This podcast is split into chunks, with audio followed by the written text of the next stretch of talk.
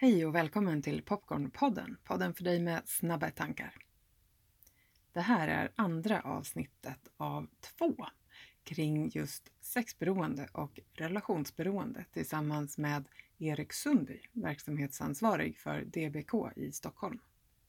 Kanske har du redan lyssnat på det föregående avsnittet där Erik började att gå igenom olika typer av beteende som eh, sexberoende kan ta sig uttryck på. Idag fortsätter vi det samtalet och eh, hälsar Erik varmt välkommen. Men du Erik, tankar från förra gången. Vad är det som eh, ligger kvar hos dig som du har reflekterat över sedan vi såg senast?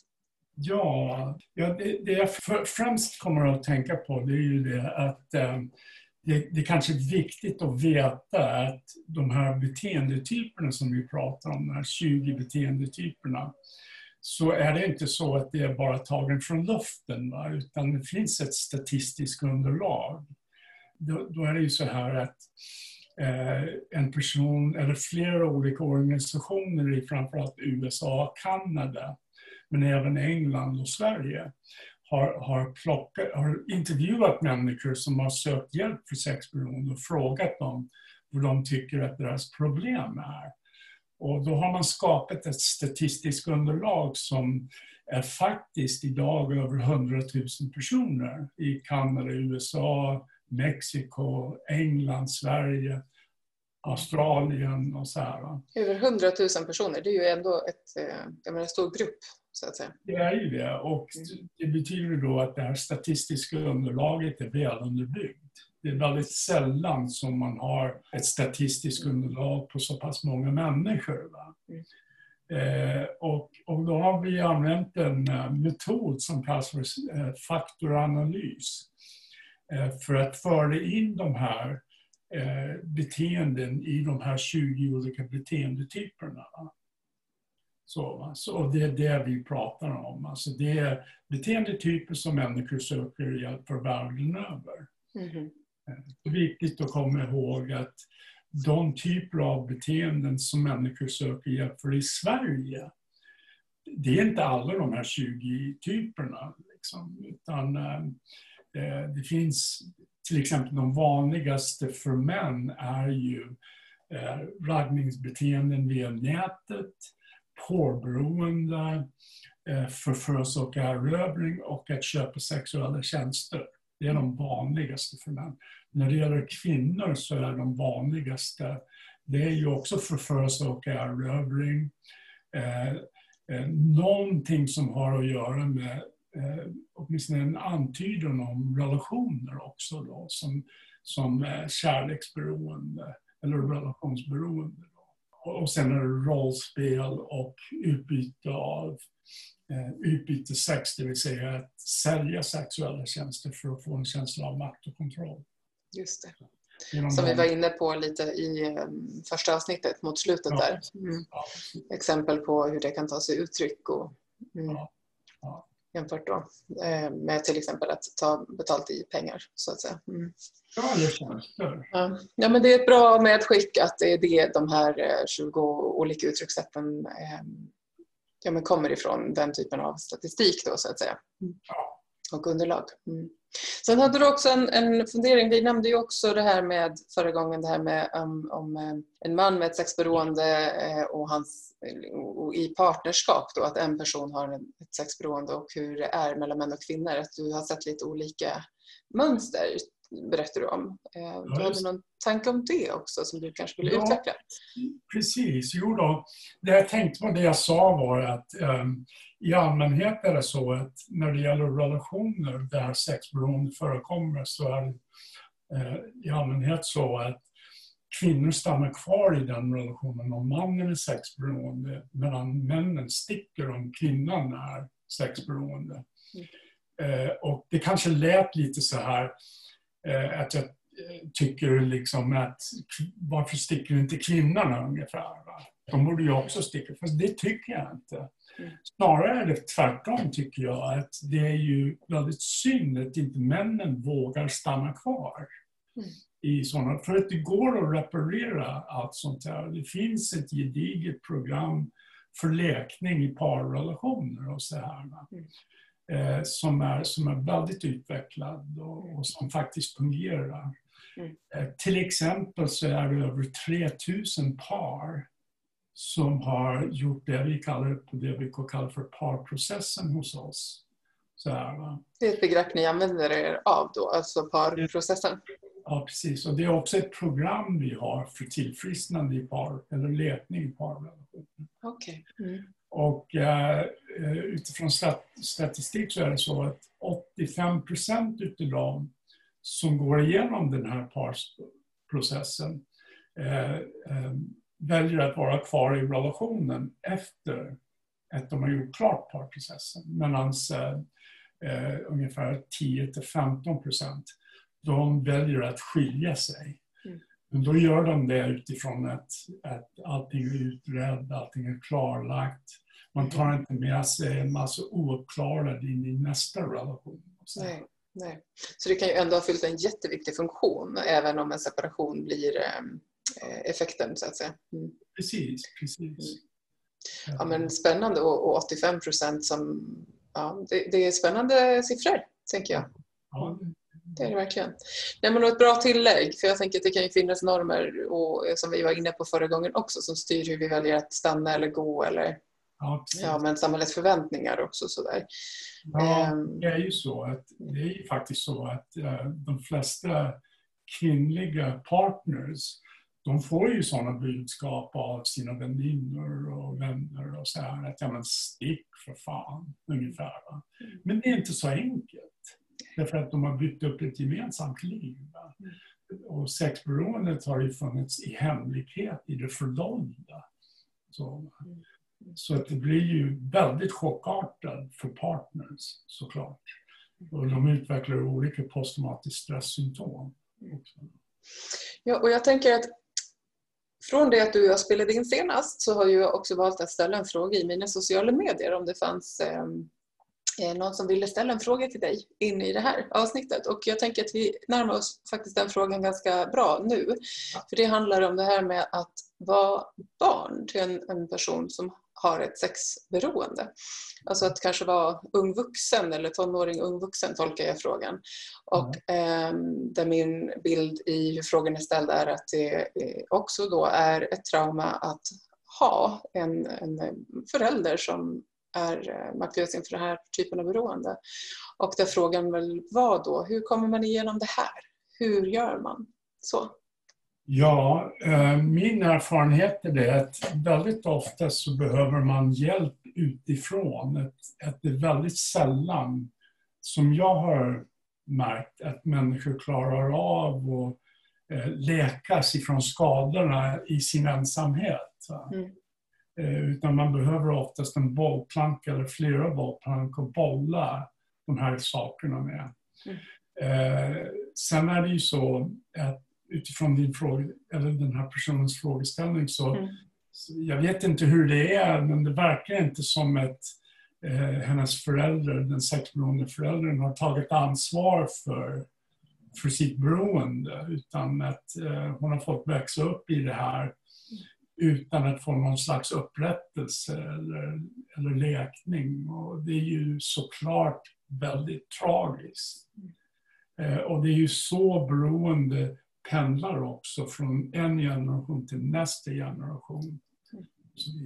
87 procent utav de som utvecklar sexberoende kommer ifrån en familjemiljö där det redan finns ett beroende. Det, där det finns ett sexberoende eller någon form av beroende? Någon form av. Någon form av. Mm. Så man har en, en, en högre risk. Mm.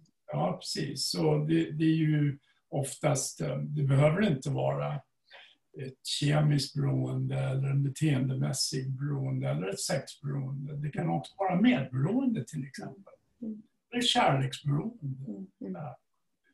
Ja, och det är intressant med generationsperspektivet det här och att hur vi bryter det då. För att en person då som går in i att bryta det här mönstret och skapa nykterhet oavsett beroendeproblematik, tänker jag. För ett beroende kommer ju sällan ensamt heller. Det är ju ett mönster av ja, Eh, mänskliga mekanismer som kan ta sig uttryck på ganska många olika sätt. Ju. Det finns ju bra litteratur kring det här. Och att då bryta det och att skapa det mönstret, eh, skapa ett nytt mönster är ju jätteintressant. Mm.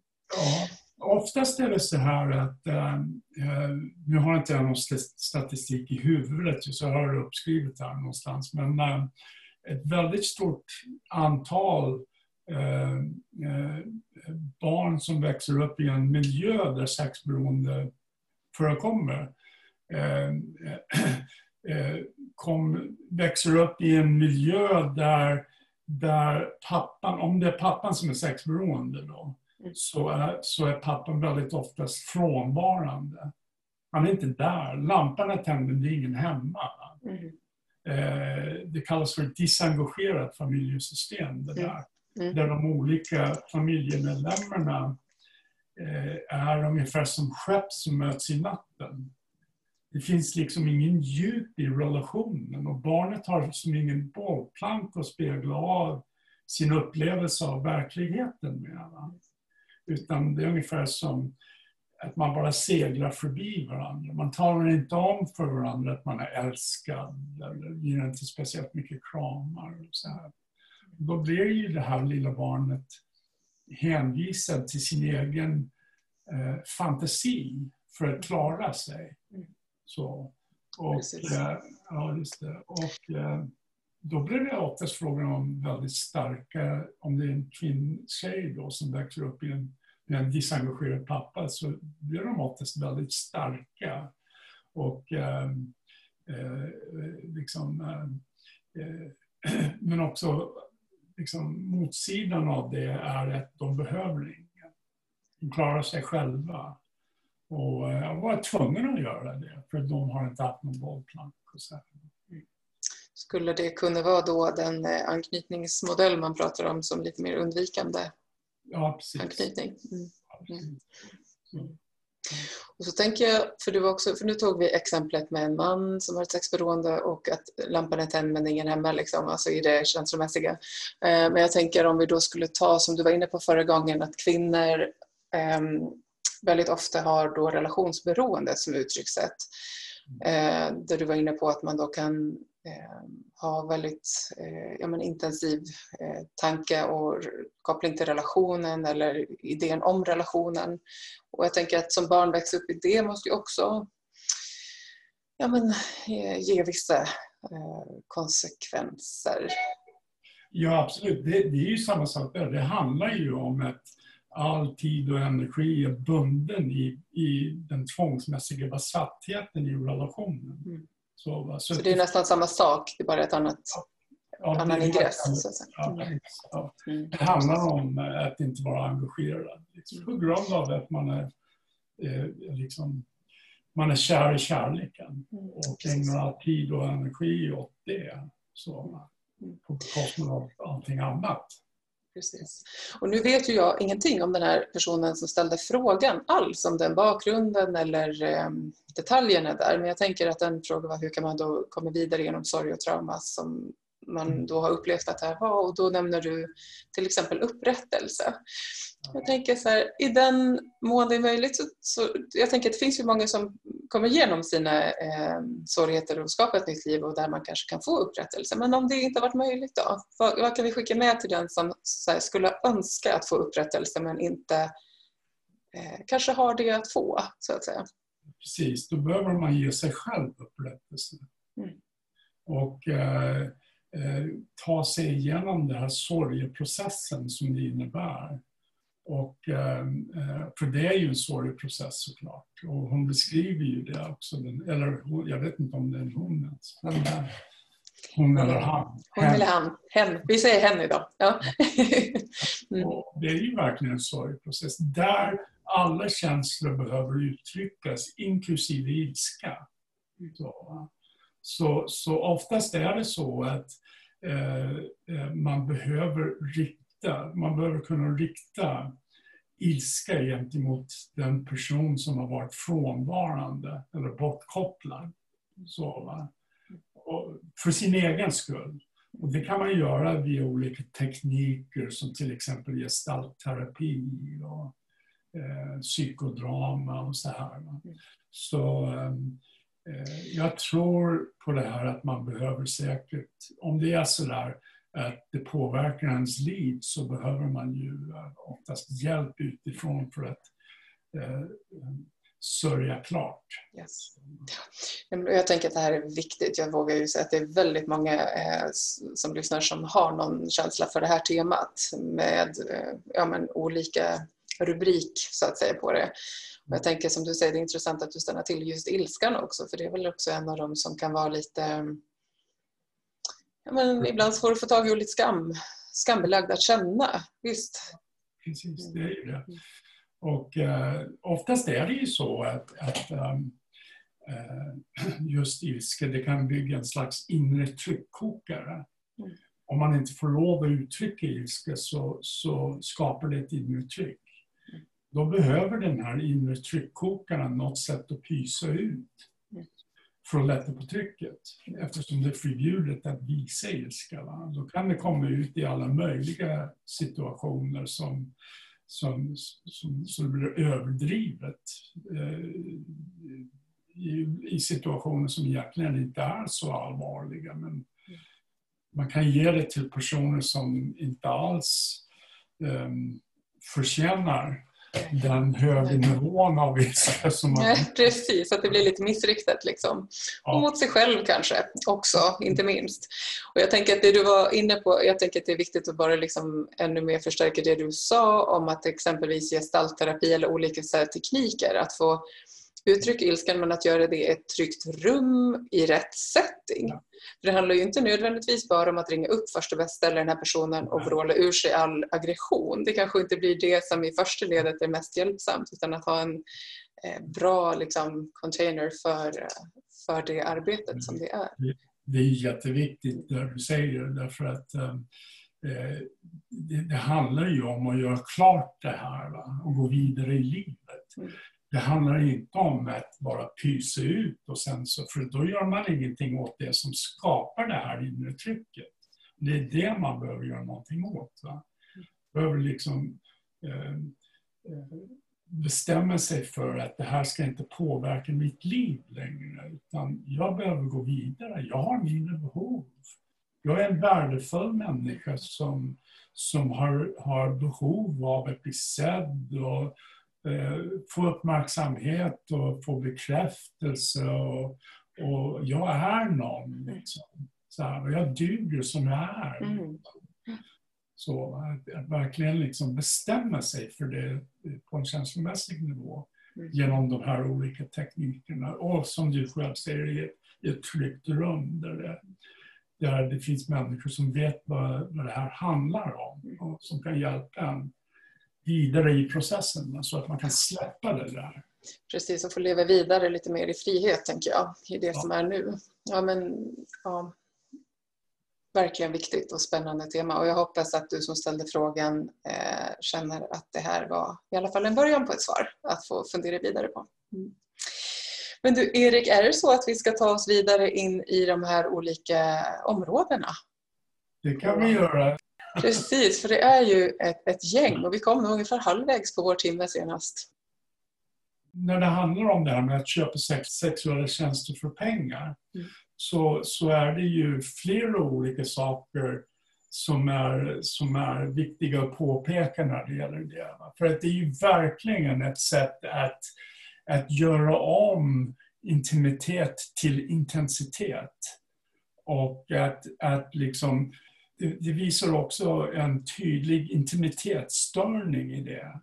Genom att, genom att göra om närhet, sexualitet till en handelsvara mm. för att slippa vara sårbar. Mm. Så, mm. och att slippa vara intim och så här. Och att det är jag som bestämmer vad som ska ske. Jag behöver inte blottlägga mig. Jag kan liksom göra det här till en affärstransaktion så, så slipper jag liksom, eh, alla problem och så här. Att köpa sig fri från Köp... intimitet eller ja, vad det nu kan, ja. Är det rätt att uttrycka det så? Nästan. Det var väldigt bra sagt. Man köper sig fritt från intimitet och närhet. Ja. Ja. Det är ju... Så det finns, och det är likadant med, att, um, med utbytessex, det vill säga att, att um, ge sex för pengar. Så, va? Det, är också, det, det handlar ju om makt och kontroll. Oftast är det sexuella övergrepp som ligger i grunden för det. Så, som man försöker komma till rätta med genom, genom det här beteendet. Precis. Det är bara det att det funkar inte. Det fungerar inte. Och du tog ju ett exempel på det i, i förra avsnittet. Och det, um, den som inte har lyssnat kan gärna lyssna där igen. För det, det var intressant. Vi pratade lite där om ja, men allt det här fyller ju någon form av... Vår idé är ju att det fyller en funktion, eh, de här beteendena vi har. Men mer eller mindre funktionella då, så att säga. Mm. Mm. Vilket är nästa tema sen? Nästa, det är ju faktiskt telefonsex. Okej. Okay. Eh, och när det gäller telefonsex så är eh, upphetsningen fokuserad kring fantasier och att, eh, eh att liksom eh, störa andra människor genom att ringa och prata, säga sexuella saker via telefon. Det, det, liksom, det uppfattas ofta som ett intrång i en annan persons liv. Liksom det, när man inte har bett om att få det här. Liksom. Så det är alltså inte bara då så att säga i en, en, ett samtyckes...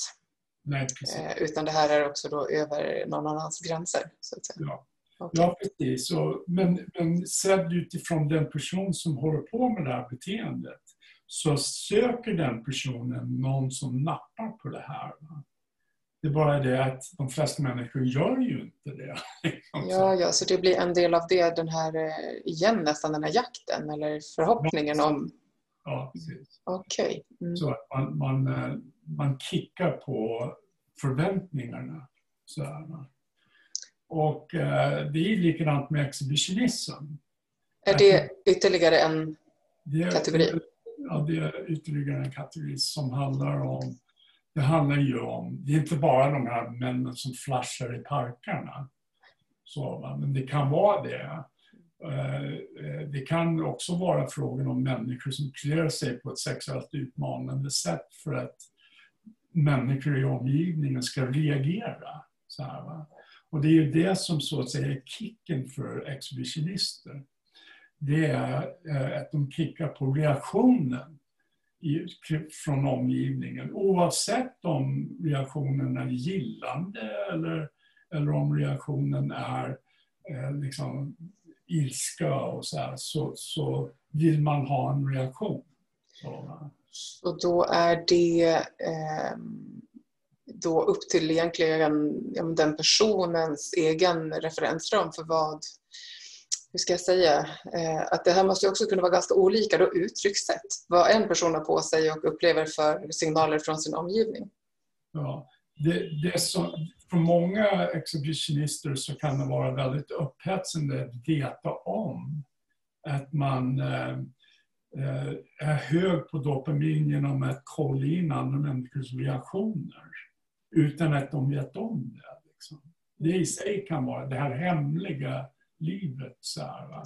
Det är ingen som vet vad jag gör nu, men jag kan göra det. Liksom, det fram till äh, det här mer extrema, att flasha i parkerna, liksom, för där det är uppenbart. Mm. Så. Precis, där man handlar mer, eh, ja, där, där, det blir en aktiv handling utöver, så att säga. Precis. Ungefär så. Mm. Ja. Och det, det, man vill ha det är ju den här chockreaktionen, liksom, helst. Så. Det är den som ger dopaminpåslaget? Ja, precis. Okay. Mm. Sen kommer voyeurism och hemlig intrång. Och då handlar det om fönstertittning, att uh, onanera medan uh, man håller på med fönstertittning eller att man hyr in sig på så, så kallade peepshows på porrklubbar och så här. Va? Okay. Mm. Men jag tänker, vare sig man har lyssnat på avsnitt ett eller inte av våra samtal nu då, så tänker jag att mm, för det vi var inne på förra gången var ju det att flera av de eh, Eh, beteenden som vi är inne på att prata om just nu. Eh, låt säga ehm, någon som kollar på, på pornografi till exempel. Det finns ju säkert väldigt många som gör det men som inte har ett sexberoende. Men så att vi påminner oss igen då om att det här är också då länkat till att man de här tre delarna som du pratade om, skulle du inte kunna dra det bara kort som en upprepning? Ja, just det. Eh, det finns ju egentligen tio olika kriterier för diagnos för sexberoende, men eh, det enklaste sättet att beskriva det är det här med tvångsmässighet. Det vill säga att man har sagt till sig själv att jag vill inte göra det här. Jag, jag, jag mår dåligt av det. Jag känner skuld och skam över det, men jag gör det i alla fall. Så man har förlorat sin förmåga att styra över det man gör. Mm. Så, det är det ena. Det andra är att man fortsätter med beteendet fast man får negativa konsekvenser av det man gör. Eh, och det tredje det är tankemässig upptagenhet eller besatthet. Precis. Att man är upptagen av det här eh, under dygnets alla timmar ungefär. Till och med när man sover det kan man vara upptagen. Upptar till och med drömmens. Mm. Ja, precis. Det är det, det vi pratade om förut med den här tjejen som hade en förälder som, eh, som är sexberoende så är det ju just det här som, som påverkar andra människor om man lever i en familj och så här. Att, att man är inte närvarande därför att man är upptagen med annat i sin fantasivärld och, och i sin tankemässiga upptagenhet av, av sina. Precis, så det är en del av grundproblematiken och eh, en förklaringsmodell, tänker jag. Men bara som en påminnelse när vi då pratar om exhibitionism och andra uttryckssätt där att ja. här pratar vi då om detta på nivån av eh, eh, ja, men att det är en alltså att man, har svårt, man kan inte sluta på, på bara viljekraft. Liksom. Nej. Ja, precis. Mm, okay. mm. Sen kommer ju då eh, det här med exploaterande sex att exploatera andra människor för att få sex. Eh, det finns olika uttryck för sexuella övergrepp, alltså att övergreppa andra människor. Så, eh, det finns ett, en slags exploaterande sex som handlar om tillit. Att man eh, man, man utnyttjar personer som befinner sig i, i beroendeställning eller som har förtroende för mig eh, för att få sex. Så, okay. eh, exempel på detta det är ju läkare som har sex med sina patienter och psykologer som har sex med sina patienter eller eh, terapeuter som har sex med patienter kontakter? Ja, ja, precis. Den typen av eh, tillit där det skulle egentligen vara en ganska eh, ja, men en krasst professionell roll där det precis. Alltså, missbrukas. Mm. Man utnyttjar sin position liksom, och andra människors tillit för att få en sexuell tjänst eller för att få sex. Mm. Mm. Uh, uh, men sen är det ju också att engagera sig i högriskbeteenden. Uh, som kan sluta med sexuellt utnyttjande eh, som, eh, som kan till och med sluta med våldtäkt. Då. Eh, att man liksom driver upp olika situationer eh, och utnyttjar, till exempel om man har träffat någon på krogen och att man går hem till den personen och mm. man dricker alkohol och den här personen somnar av i soffan. Och, mm. och liksom, det finns ju en tillit där att, att man inte kommer att bli sexuellt utnyttjad och så blir man det. Och då är det ju våldtäkt. Just det. Mm. Och det är ett sätt att exploatera eller utnyttja tillit för att få sex. Då.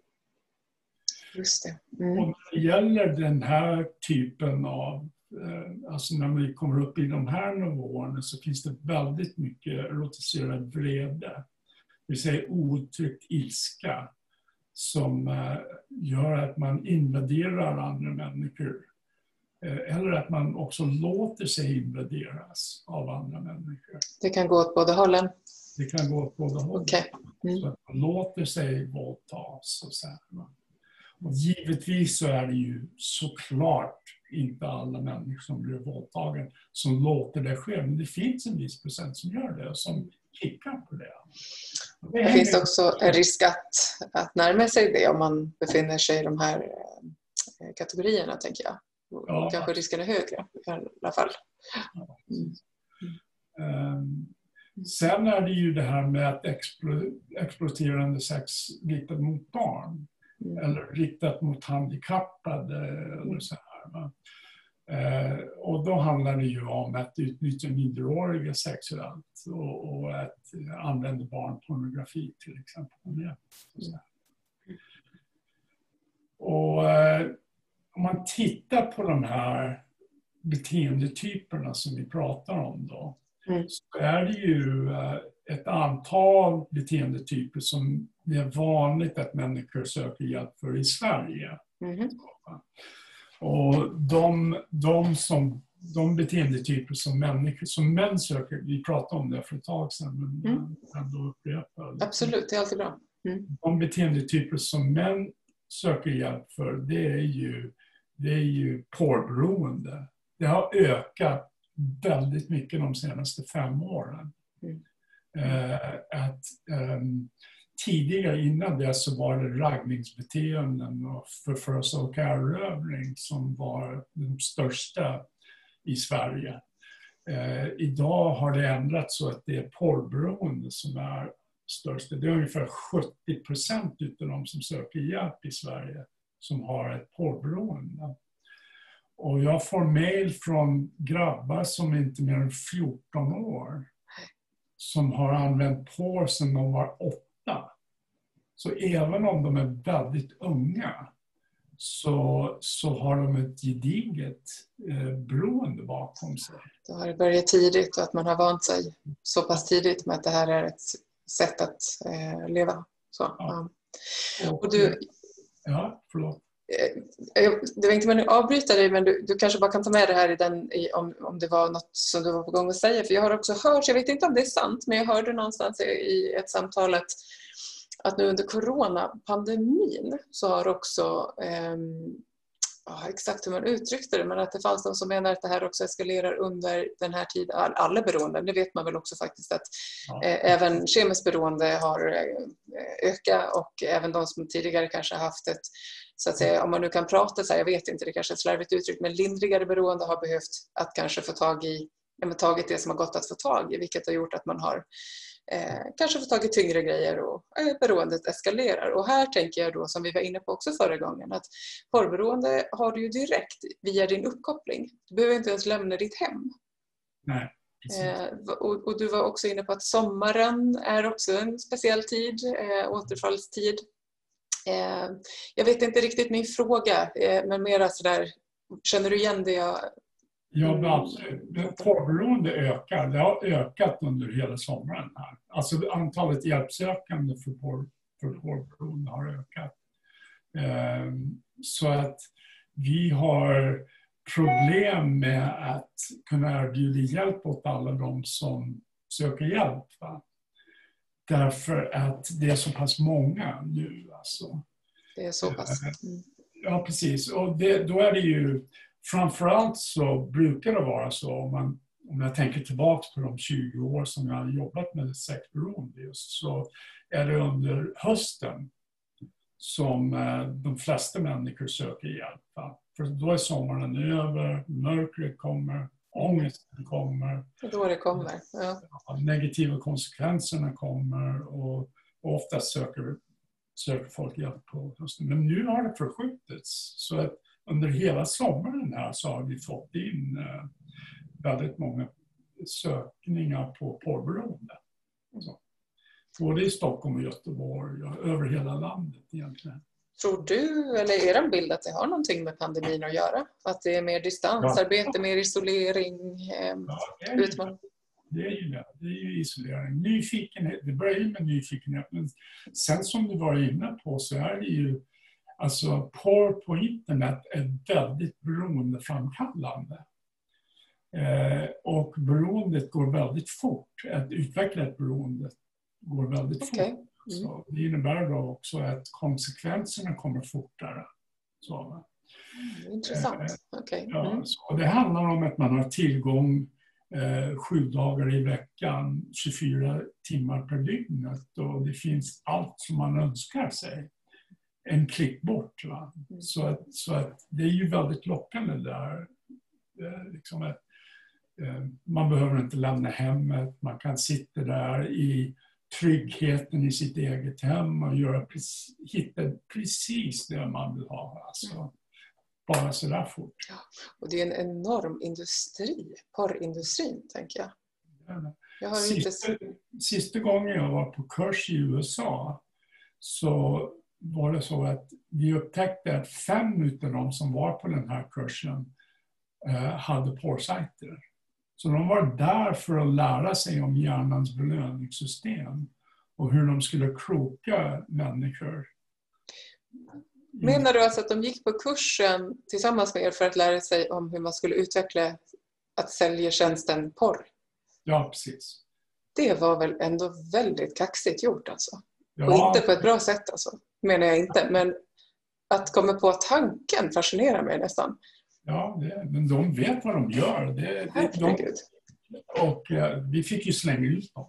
Ja, det var, det var bra. Mm. Nej men oj, det var ju, det var ju verkligen någonting visst alltså. Ja, så kan man ju göra.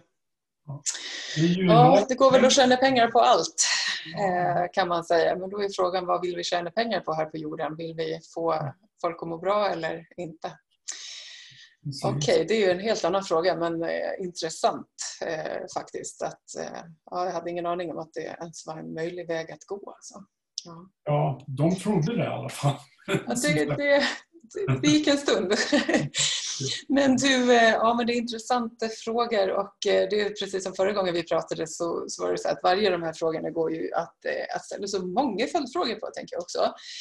Men det som jag sitter lite med nu är dels ehm, eh, oh, det, det, är två saker som, som liksom snurrar för mig nu i den stund vi har kvar och det är dels någonting som du nämnde kanske lite kort första avsnittet om eh, begreppet anorexi. Ja, just det. Okay. Det tänker jag är, eh, det är något som man mer har talas om i ätstörningssammanhang. Ja. Är det någonting som du kan tänka dig att utveckla lite här en stund? Ja, absolut. Det är ju, om man ser sexberoende som, eh, som en mynt med två sidor. Mm.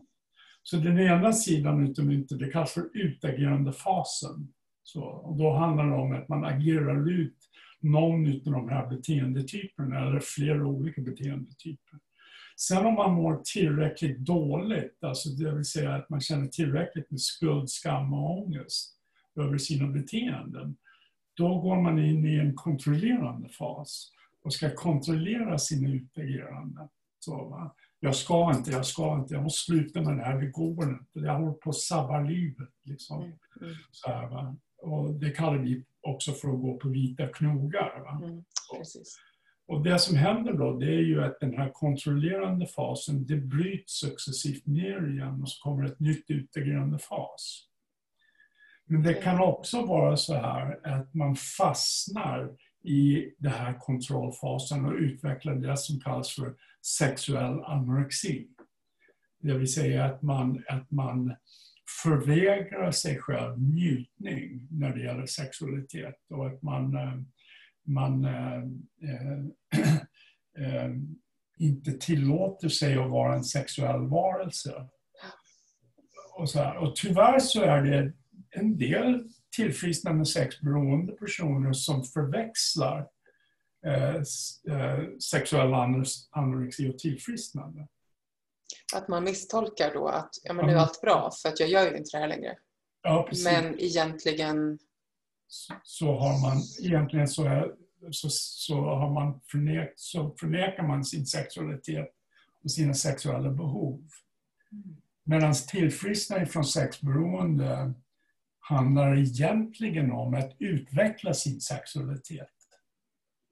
Det som, det som är grejen då om man tänker på de här beteendetyperna det är ju att eh, sexberoende personer fastnar i specifika aspekter av vanlig mänsklig sexualitet på bekostnad av alla andra aspekter.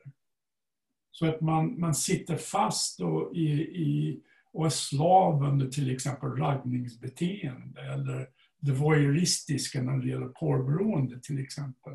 Så sitter man fast i den aspekten. Det är normalt att mm. titta på sin partner när, när hon eller han klär av sig och blir sexuellt upphetsad av det.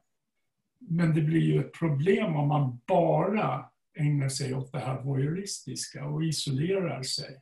Så, då behöver man utveckla de andra delarna av mänsklig sexualitet. Så. Så, men de här som utvecklar sexuell anorexi, de gör inte det. Utan de fastnar i det här kontrollgrejen. Då.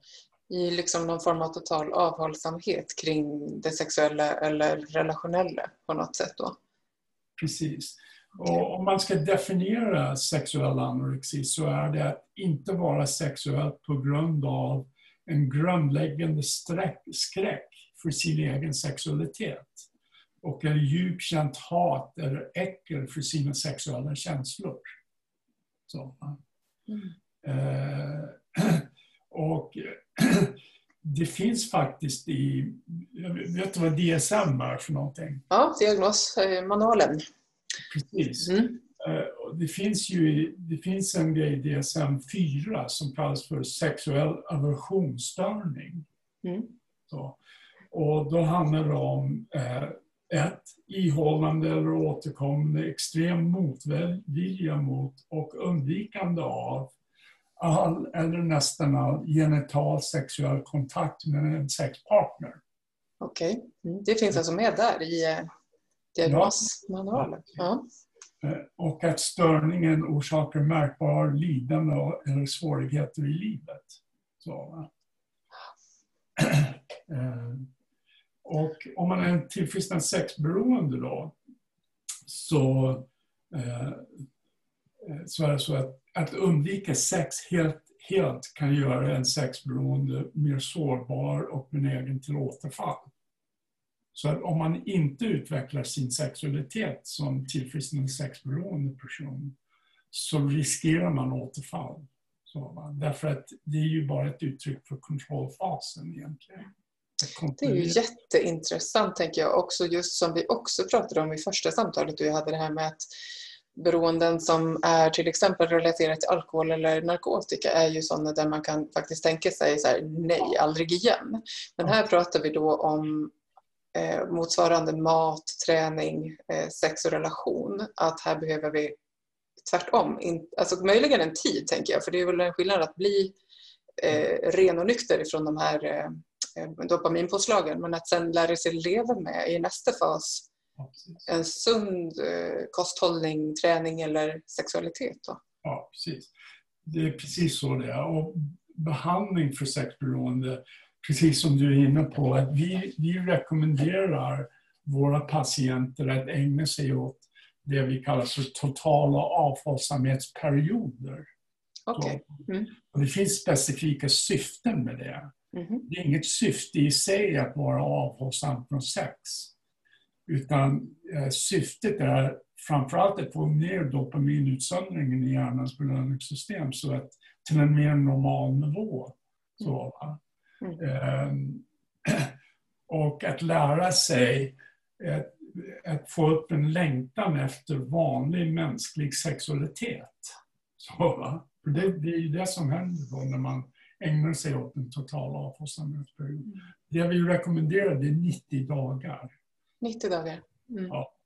Och, men det är ju ingen tävling heller. Va? Det är ju Nej. inte så att man ska vara perfekt eller så här, utan man får lära sig under processen vad som triggar igång sug och så här också. Så det är också ett syfte med det här, att, att använda det för att, för att lära sig om vad som vem man är och vad som triggar igång eh, utagerande mönster och så här. En riktig eh. upptäcktsfärd låter det som. Ja, precis. Men jag vill poängtera då att efter den perioden så, så handlar det ju handlar tillfrisknande om att, äh, att äh, upptäcka och lära sig om sin sexualitet och utveckla sin sexualitet. Så. Så att man inte blir sexuellt anorektisk. Och jag tänker när du, när du säger att utveckla sin sexualitet så eh, tänker jag också att vi har pratat en del om intimitet. Och jag tänker att för dig så tror jag att det är så självklart att du idag kopplar ihop de här sakerna. Att en sund sexualitet är kopplad till intimitet. Ja. Rätt, eller hur? Men jag tänker att det är så intressant att eh, Ja, när, när jag lyssnar på dig så tänker jag att det är lätt att tänka att ja, sexualitet handlar bara om det sexuella. Liksom. Men att det är så mycket relation och känslomässighet eh, som ju inryms ja. där. Så. Ja, det, det, är ju så att säga inte mitt jobb att uh, tala om för människor eh, eller ha värderingar kring vad de ska göra i sin sexualitet eller inte. Eller så här, utan det handlar om, mitt jobb handlar ju om att se om en persons beteende om, man, om en person betalar ett pris för sina beteenden. Om, om det är tvångsmässigt, om man får konsekvenser och om man är tankemässigt upptagen eller besatt av de här grejerna på bekostnad av andra aspekter av livet. Va? Så, så det är ju oerhört viktigt för människor som eh, vill arbeta med sexberoende att man är väldigt tydlig med den gränsdragningen. Det handlar inte om värderingar. Det handlar inte om tyckanden. Utan det handlar om vetenskap. Och idag finns det tillräckligt med vetenskap som säger att sexberoende finns, kärleksberoende finns och att det handlar om en sjukdom i hjärnans belöningssystem som också handlar om dopaminutsöndring eh, och andra kroppsegna kemikalier som oxytocin till exempel och så, serotonin och så.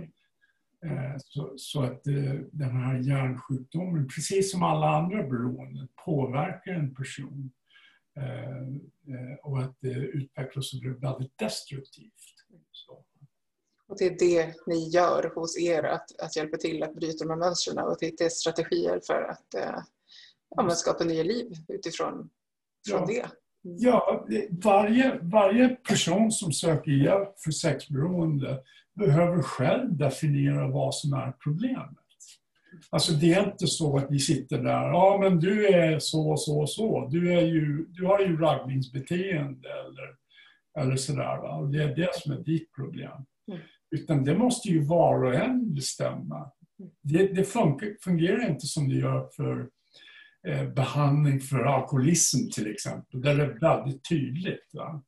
Så länge jag inte dricker ur den här flaskan så är jag nykter. Precis. Så, och det är väl det som är lite intress ja, intressant och lite snårigt, tänker jag. Att det är ju de här gränssnitten. Och jag tror det står också på er hemsida, eh, ni har tagit ett exempel. Ja, men vi kommer inte säga att det är fel att, att eh, jag tror ni skriver, att ha sex tre gånger om dagen eller sex gånger om dagen. Det är inte det, ni har inte med det att göra, liksom, utan att det är så här, vad är det som du har fått konsekvenser av? Vad är det du har problem med? Liksom? Ja. Och jag tänker, och Eh, så det vi har pratat om kring till exempel mental besatthet, fantasier eller ehm, liksom utifrån det kanske då mer vanligt förekommande om jag förstår rätt kring kvinnor och det relationella. Ja. Då är det ju också, ja, men hur definierar vi det här och att få hjälp på benen i det låter ju som att det är en stor uppgift hos er då. Ja, ja, precis. Så vi, vi hjälper ju människor som, att definiera såklart. Vi har ju statistik som vi kan utgå ifrån och, och så här. Va? Men det, det, är ju, det, det, det sker ett samarbete. Ja, men hur upplever du att det är? Och, eh, ja. ja, nej men eh, spännande och det finns ju mycket mer att lära om det här men jag är glad att vi har fått ha de här två samtalen för att i bästa fall eh, nå ut till några som har behövt att lyssna och det verkar vi ju ha gjort med tanke på att någon redan har kunnat också ställa en fråga till dig. Och jag tänker att eh, ja, men i bästa fall också bryta ner lite fördomar, öka kunskap eh, på olika sätt om olika teman som är viktiga genom hela livet, tänker jag. Eh, det är i alla fall min förhoppning och eh, jag är glad att du har velat vara med för ja. möten med mig här. Tack så mycket, det har varit väldigt kul att vara med. Ja men tack! Finns det någonting som du sådär som avslut vill skicka med som eh, ja, inte vet jag, som något som du har på hjärtat som ett så här, det här är viktigt för dig att få ha sagt? Eller? Nej, men om, om du eh, om du gör saker sexuellt som du mår dåligt av så, här, så går det att tillfriskna ifrån det. Du är inte dömd att fortsätta och fortsätta och fortsätta med det. Utan det går, det finns verktyg för att komma till rätta med sådana problem. Det är bra. Mm. Det är ju ett medskick med lite hopp så här i slutet, tänker jag, till den som behöver höra det. Så det är ett jättefint eh, avslut, tänker jag. Och Erik, dig och eh, den verksamhet du finns i, DBK, eh, kan man läsa om mer på dbksverige.se. Och hoppas att ni ja, får lite incheckningar där efter de här samtalen. Och du som har lyssnat och vill på något sätt komma i kontakt med mig också på Popcornpodden kan mejla mig på popcornpodden.gmail.com och följa på Instagram och Facebook också får du gärna göra det. Det är alltid roligt med kommunikation. Och där Erik så ska jag bara stanna till igen då och verkligen tacka. Det har varit jättefina, eh, viktiga samtal med dig och jag hoppas att du får en fortsatt fin dag helt enkelt.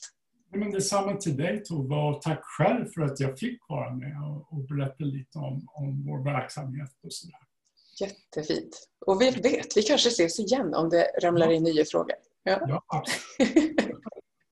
ha det nu så gott allihop. Tack för idag. Tack, tack.